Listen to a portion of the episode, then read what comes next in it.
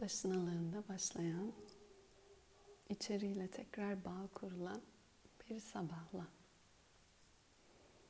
Tekrar tekrar söylenen niyetler ki bu her seferinde bilinçli bir iradeyle herkese huzur, herkese mutluluk ya da benzerliğinde elbette kendine de huzur, aynı şekilde kendine de mutluluk dilemek bilinçaltına ekilen tekrar tekrar tohum sadana başlarında şu an bu anlamda manevi çalışma ya da kendini bir nevi yeniden programlamak. Yeniden kayıtları ne varsa içeride değiştirmek, kendi iradenle istediğin biçimde dönüştürmek. Bu yüzden daha öncelerde de hep tekrarladığımız zihin temizliği, zihin saflaşması, arınması veya şu an dediğimiz gibi bilinçaltına ekilen yeni tohumlarla yeniden programlama diyebiliriz. Çünkü temelde aşağıda bilinçaltında bilmediğimiz her neyse düşünceler, tohumlar, davranışlarımızı, tepkilerimizi, bütün dünya ile kurduğumuz ilişkiyi genelde belirleyenler.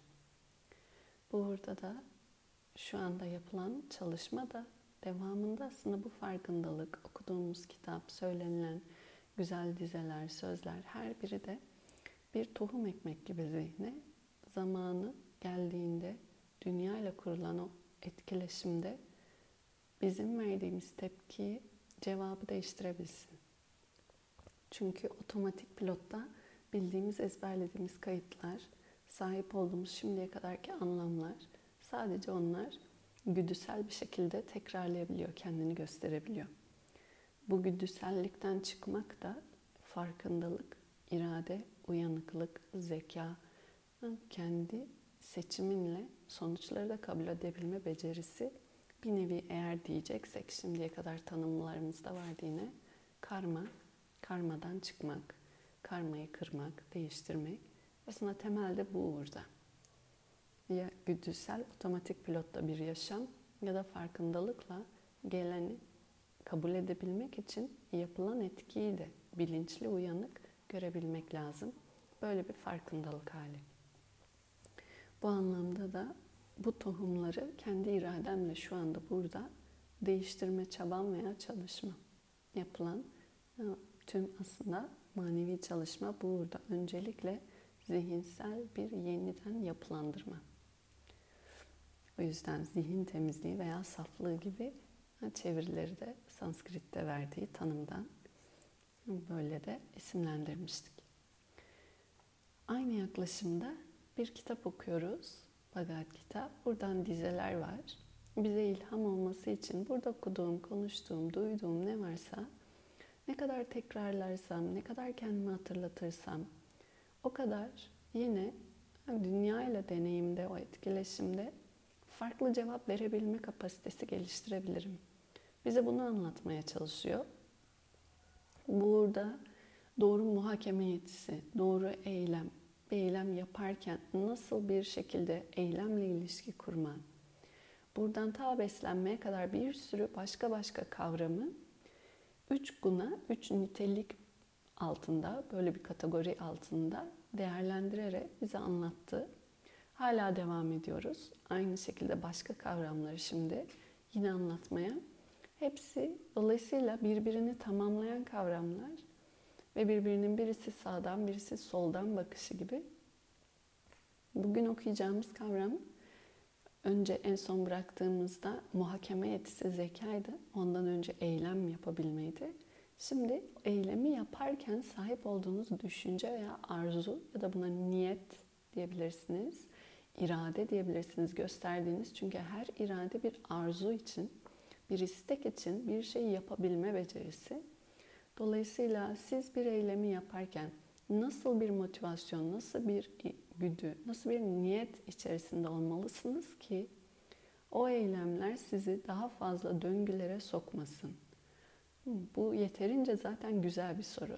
Değil mi? İnsanın kendi kendine aslında hem eylemi ne şekilde nereden aldığı itkiyle ortaya çıkartacağını da söyleyen. 18. bölümde 33. dize ile başlayacak. Diyecek ki zihin sahip olduğumuz buna Sanskrit manas diye bir kavram veriliyor. Beş duyunun verisini işleyen, bunu bellek olarak kaydeden enstrüman. Prana içerideki yaşam, elektrik, biyolojik içerideki güç diyebilirsiniz. Tüm fonksiyonların yerine gelmesini sağlayan. Yaptığın eylem organları, duyu organları her biri işlevlerini sarsılmaz bir çalışma altında terbiye eden bir niyet. Bil ki sattva niteliğindedir. Burada önemli olan dize terbiye altına alan bir niyet. Ve söylediği parçalarda zihin, duygu, düşünce, sahip olduğunuz biyolojik ihtiyaçlar, buna bağlı dışarıya verdiğiniz cevaplar, yemek yemekten tutun üremeye, boşaltıma, bir şeyi tutmaya veya bir yere hareket etmeye, yürümeye ya da ağzınızdan bir söz çıkartarak konuşmaya. Ve bununla beraber dünya ile kurduğunuz o ilişkide size verileri alanlar, göz, tat, dil, koku, kulak, tüm bunların hepsi özetle sizin dünyayla, maddeyle, nesneyle iletişim ve ilişki kurduran araçların hepsini ya onlara köle haline getirebilirsiniz, onlara bırakırsanız kendi güdüselliğinde ya da onların üzerinde kontrol sahibi olabilirsiniz. Bu ne demek? Arzu üzerinde de kontrol sahibi olmak, düşünce üzerinde kontrol sahibi olmak demek. O yüzden de buna terbiye kelimesi geçiyor. Çünkü bırakırsanız bir kediyi, bir köpeği, bir atı, herhangi bir hayvanı diyelim olduğu haliyle Oraya buraya dışkılayabilir, neyi bulursa yiyebilir. Güdüleriyle çalışır. O güdüler neyle çalışıyor? Gözü, kulağı, neyi duyuyorsa, burnu, koku. Ona bağlı da sahip olduğu eylem organları burada geçen. Üremek, boşaltım yapmak, bir şeyi yakalamak, ısırmak. Bunlar yaptığımız eylemler. Ve bu anlamda da içeride sahip olduğu bu elektrik, bu iç biyolojik gücü de bunun için kullanıyor. O nesneye gitmek, onu tüketmek, yemek, içmek her neyse. Bu gelişi güzellikte ya doğanın bu güdüleriyle gidersiniz ya da bunlar üzerinde bir kontrol, terbiye. O yüzden geliştirirsiniz. Sahip olduğunuz düşünce ve niyet madde üzerinde böylesi bir tüketim ve güdüsellik mi yoksa madde veya dünya nesneleri üzerinde ilişki kuran bu araçlarınız üzerinde terbiye mi? Çünkü sizi oraya çeken nesne değil, duyu organı, eylem yaptığınız dolayısıyla irade ve içeride sahip olduğunuz düşünce tüm bunlarla beraber aslında o nesneyle asıl o ilişkiyi kuruyoruz. Burada da söylediği satva sizin bu enstrümanlar üzerinde sahip olduğunuz terbiye, temel düşünceniz veya arzunuz, niyetiniz olması. Niye böyle bir şey söylüyor? Çünkü sattva adı üstünde daha saf, daha transparan, şeffaf, kimlik üzerinden, benlik üzerinden ve dolayısıyla da deneyimler üzerinden sürtünmeye, acıya girmeme adına eğer bir döngü varsa onu kırmak istiyorsanız sahip olduğunuz aslında bu kimliği, benliği ne kadar daha ben ben ben demekten ne kadar daha ya da beraberliğinde uyuma getirmekten bu ikisi arasında yapacağınız seçime bağlı. Bu sizin aslında içeride zihnin de pürüzsüz, saf, dalgasız olması demek. Dalgasızlık ki temelde hep başından beri söylediği ne kadar çok bir şeyleri benim olsun istiyorum ve ne kadar çok bir şeyleri istemiyorum uzak dursun demelerinize bağlı. Ve bu ikisi de elbette duyu organları, zihin, eylem organları bu üçlüden geçiyor. O zaman bunlar üzerine yaptığınız terbiye sizin dolayısıyla istiyorum istemiyorumlarla dalgalarınızı daha dindiren, temizleyen bir yere götürür.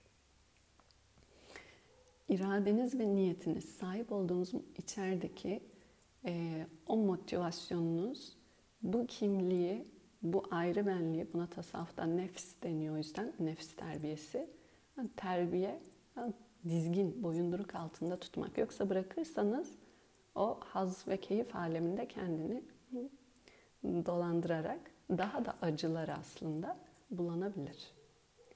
İkincisinde ise racası söyleyecek ve racas da diyecek ki öte yandan burada dini bir itibar demiş konu gereği ama toplumsal herhangi bir statüyü sayabilirsiniz. Herhangi bir sebepten böyle bir itibar, daha üstünlük kazanmak.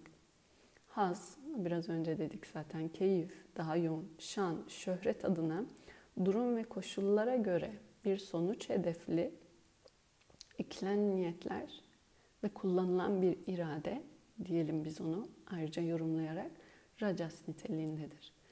Kullandığınız, sahip olduğunuz dolayısıyla o niyet, içerideki irade eğer daha fazla bu kimliği ayrıksılığında güçlendirmek, sertleştirmek, köşeli bir hale getirmeye meylediyorsa rajas. Zaten şimdiye kadar hep söylediği diğer kavramlarda da bunun ışığını vermişti. Daha çok eğer ben benim deme adına burada saydıkları şan, şöhret, itibar, haz, keyif vesaire demiş. Bir sonuç odaklı. Önemli olan burada diğerinde terbiye kelimesi ise buradaki önemli anahtar kavramsa sonuç odaklı. Ve bu sonuç genelde kastettiği bu ayrı bireysel kimliğin daha da e, üzerine böyle kıyafetler, tokalar kafasına takması gibi statüler e, ve bu anlamda e, etiketler biriktirmesi. Böylesi bir uğurda iradenizi kullanıyorsanız, bu uğurda sürekli niyetlere sahipseniz bunun rajas niteliğinde olduğunu söylüyor. Daha önce racası hep anlattı. Hırs ve sonuç odaklılık. Buna bağlı da daha fazla aslında döngüsellik. Bunların hepsi bir problem. Neden problem? Döngüye sokacağı için problem. Başından beri kitabın bir kavramı var o da özgürleşme. Özgürleşme dediğiniz şey döngülerin kırılması. Yoksa böyle kısır döngü, kuyruğunu kovalayan köpek gibi dönüyor. Çünkü getirdiği bir keyif ve haz acıya düşürmeye mahkum. Acısız bir yer yok çünkü o sonucu hiçbir zaman daimi koruyamayacak. Mümkün değil. Hiçbirimiz için de. Bunu zaten herkes yani düşününce muhakemeyle görebiliyor. Ki zamanın değişmesi, mekanın değişmesi, yaşın değişmesi, insanların değişmesi her şey geçici ve değişken. Hiçbir şekilde bu kavramların, statülerin, etiketlerin hiçbirini tutamazsınız üzerinizde ömür boyu. Bu yüzden de bir zaman sonra böyle koltuk sevdası diye bir yani kavram var. Yani daimi bir şey değil. Aynı statü, aynı isim. Üçüncüsü ise tamas. Her zaman daha karanlık ve talit olarak anlattığı nitelik. 35. dizede düşünme biçimi kesinlikle yanlış. Gereğinden fazla uykuya, korkuya, kedere, bunalıma, uyuşmaya meylettiren niyetler veya bu uğurda kullanılan bir irade tamas niteliğindedir. Sahip olduğunuz iradeyi, niyeti, düşünceyi eğer e, ektiğiniz o düşünce, niyet neyse sizi daha fazla atalete, uykuya, tembelliğe, korkuya, kedere, bunalıma, uyuşmaya, burada saydıkların hepsi meylettiriyorsa bunun tamas niteliği olduğunu söylüyor. Tamas genel olarak körlük, cehalet, eylemsizlik, karanlık gibi çevirilerle hep anlatmıştık. Eğer tamas simsiyah böyle gözünüzün önünde perde ise Rajas gözünüzün önünde böyle biraz bulanık gözlük camı. Çamurlu, hafif çamurlu. Nesneyi görüyorsun ama yamuk, yanlış görüyorsun. Tamas niteliğinde hiçbir şey görmüyorsun. Safi siyah gözünün önünde yani bir bant var gibi. Sattva ise tertemiz beyaz saydam gözlük camı. Olan olduğu haliyle görülebilecek yalınlıkta, açıklıkta, şeffaflıkta. Bu yüzden de bu üç nitelik ister eylem için, ister eylemi yapan o özneyi tanıtım için, ister muhakeme için, ister yediğiniz besin ya da şu an konuştuğumuz gibi sahip olduğunuz düşünce, niyet, kullandığınız irade temelinde hepsi ya daha acısız, daha içsel olarak ferah diyelim bir yere evriltebilir ki bu temelde başından beri dediği sahip olduğunuz kimlik, kavram, bir yanılsama, bir bağımlı gerçek, zamana ve mekana. Neye bağımlı? Zamana ve mekana. Zamana ve mekana bağımlı olan bir şey ebedilik ve sabitlik atfedemez. Değişkenlik içinde kaçınılmazdır. Değişken olan bir şeydense daimi bir ebedi sabitlik bekleyemezsin. Bekliyorsan o zaman hayal kırıklığına düşmeye mahkumsun. Ve burada da sahip olduğun ne varsa böylesi zaman ve mekanla beraber kendini gösteren şu anda varsa bir zaman yok olma ihtimalinde. Çünkü zaman ve mekan bu demek. Bu anlamda o zaman kurduğun bu kimlik üzerindeki isim, biçim, sıfat, statü her neyse daha iyi bir gözlem. Zaman ve mekana bağımlı olan neyse o bir değişmezlik, sabitlik. Başından beri söylediği şöyle bir kelimeydi. Gerçek benlik. Atfedemez. Bu anlamda bu kimliği benliği yapan ve sahip olduğu etiketleri de değişmezlikte kabul etmek hayal kırıklığına buna bağlı da acıya düşürmeye açık. Temel soru acıdan nasıl çıkabilirim? Acıdan nasıl çıkabilirim dediğinde insan nasıl dolayısıyla özgürleşebilirim bir bağımlı halden? Bu bağımlılık ki bir duygu bile olabilir, bir duyum bile olabilir. Bu yüzden bize bütün büyük büyük konuşmalar bir sağdan bir soldan bir önden bir arkadan farklı biçimlerle farklı kavramlarla hep anlattığı şey kurduğunuz kimliğin zamana mekana bağımlı bir değişken olduğunu unutmayın. Ve bunun üzerinden bir sabitlik, temel kendinize yaratmayın. Çünkü elinizden gitmeye mahkum. Bu saç da beyazlayacak, bu beden de yaşlanacak. Sahip olduğunuz yanınızda ne varsa mal, mülk, insan her biri de kaybolmaya çünkü zaman ve mekanda değişmeye mahkum ve açıklar. Bunların ötesinde o zaman bu gerçeği görerek bu benlik, kimlik adına veya varoluş adına daha derin bir sorgulamayla olan üzerinden daha derin bir görüşle bakabilmek adına gözlerinizi, bakışınızı açmaya, değiştirmeye, saflaştırmaya çalışın. Bize verdiği kavramların hepsi bunun için yardımcı. O zaman zaten ne var ne yok. Ne değişken ne değişmeyen. Bu ayrım daha net görülebilir ya da ne acı veya keyif bu ikilemde döngüye beni sokan ya da ne bu döngülerin ötesinde beni daha sabit içsel bir denge haline getiren bunları bana gösterebilir. Şu anda söylediği de satmaracağız tamas başlığında sahip olduğunuz niyet, sahip olduğunuz irade, bir şey yapabilme gücü demek irade. Bir şey değiştirebilme gücü. İnsanın insan olarak kendini bildiği tüm canlılardan ayırt eden en büyük özellik. Yani muhakeme ve irade. O iradeyi çünkü seçim hakkına sahibiz. Hepimiz. Seçim hakkına sahip olabilmek demek zaten döngüselliğin ve otomatik pilottan çıkabilme demek. Kedinin bir seçim hakkı yok. Acaba fareyi bugün oynamasam mı, oynasam mı? Ya da bu eti yemesem, şu andan itibaren vejeteryan mı olsam? Böyle bir seçim hakkı yok kedinin, köpeğin.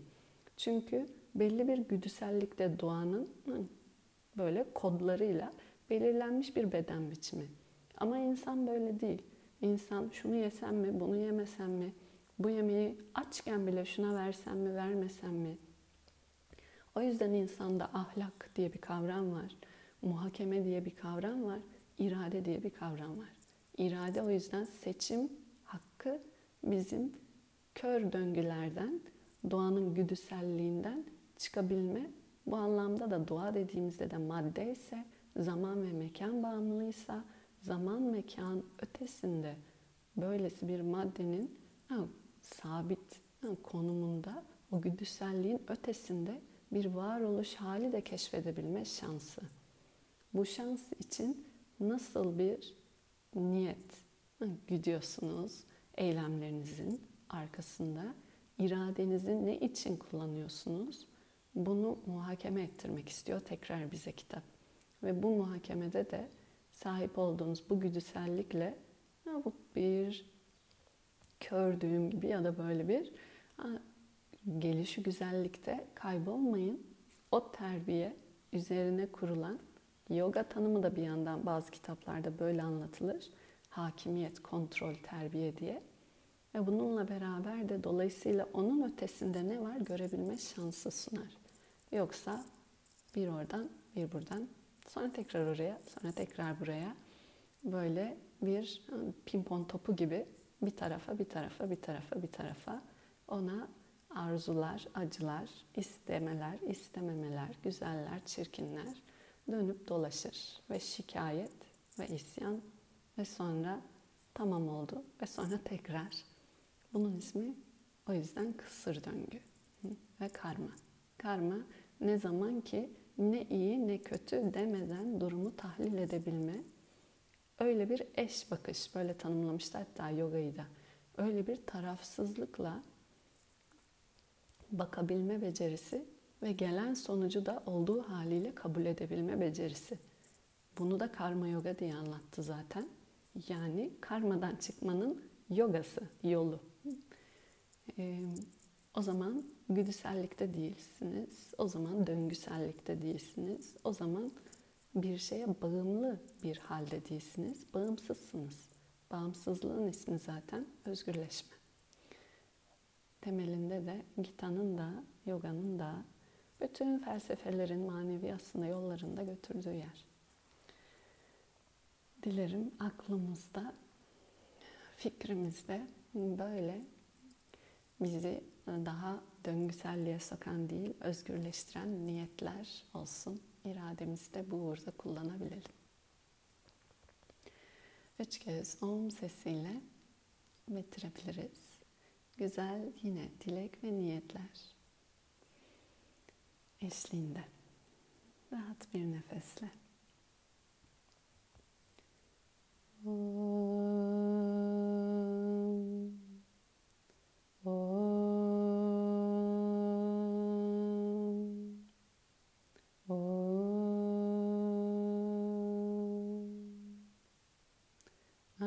Asatoma Satgamaya Tamasoma Jyotirkamaya Mrityorma Amritangamaya Om Purnamata Purnamidam Purnat Purnamudachyate Purnasya पूर्णमादाय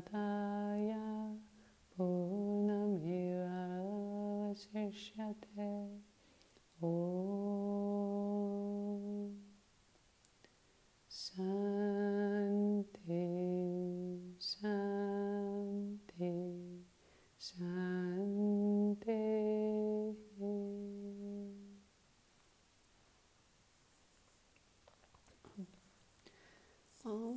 teşekkür ederim. Burada olduğunuz için görüşmek dileğiyle. Hoşçakalın.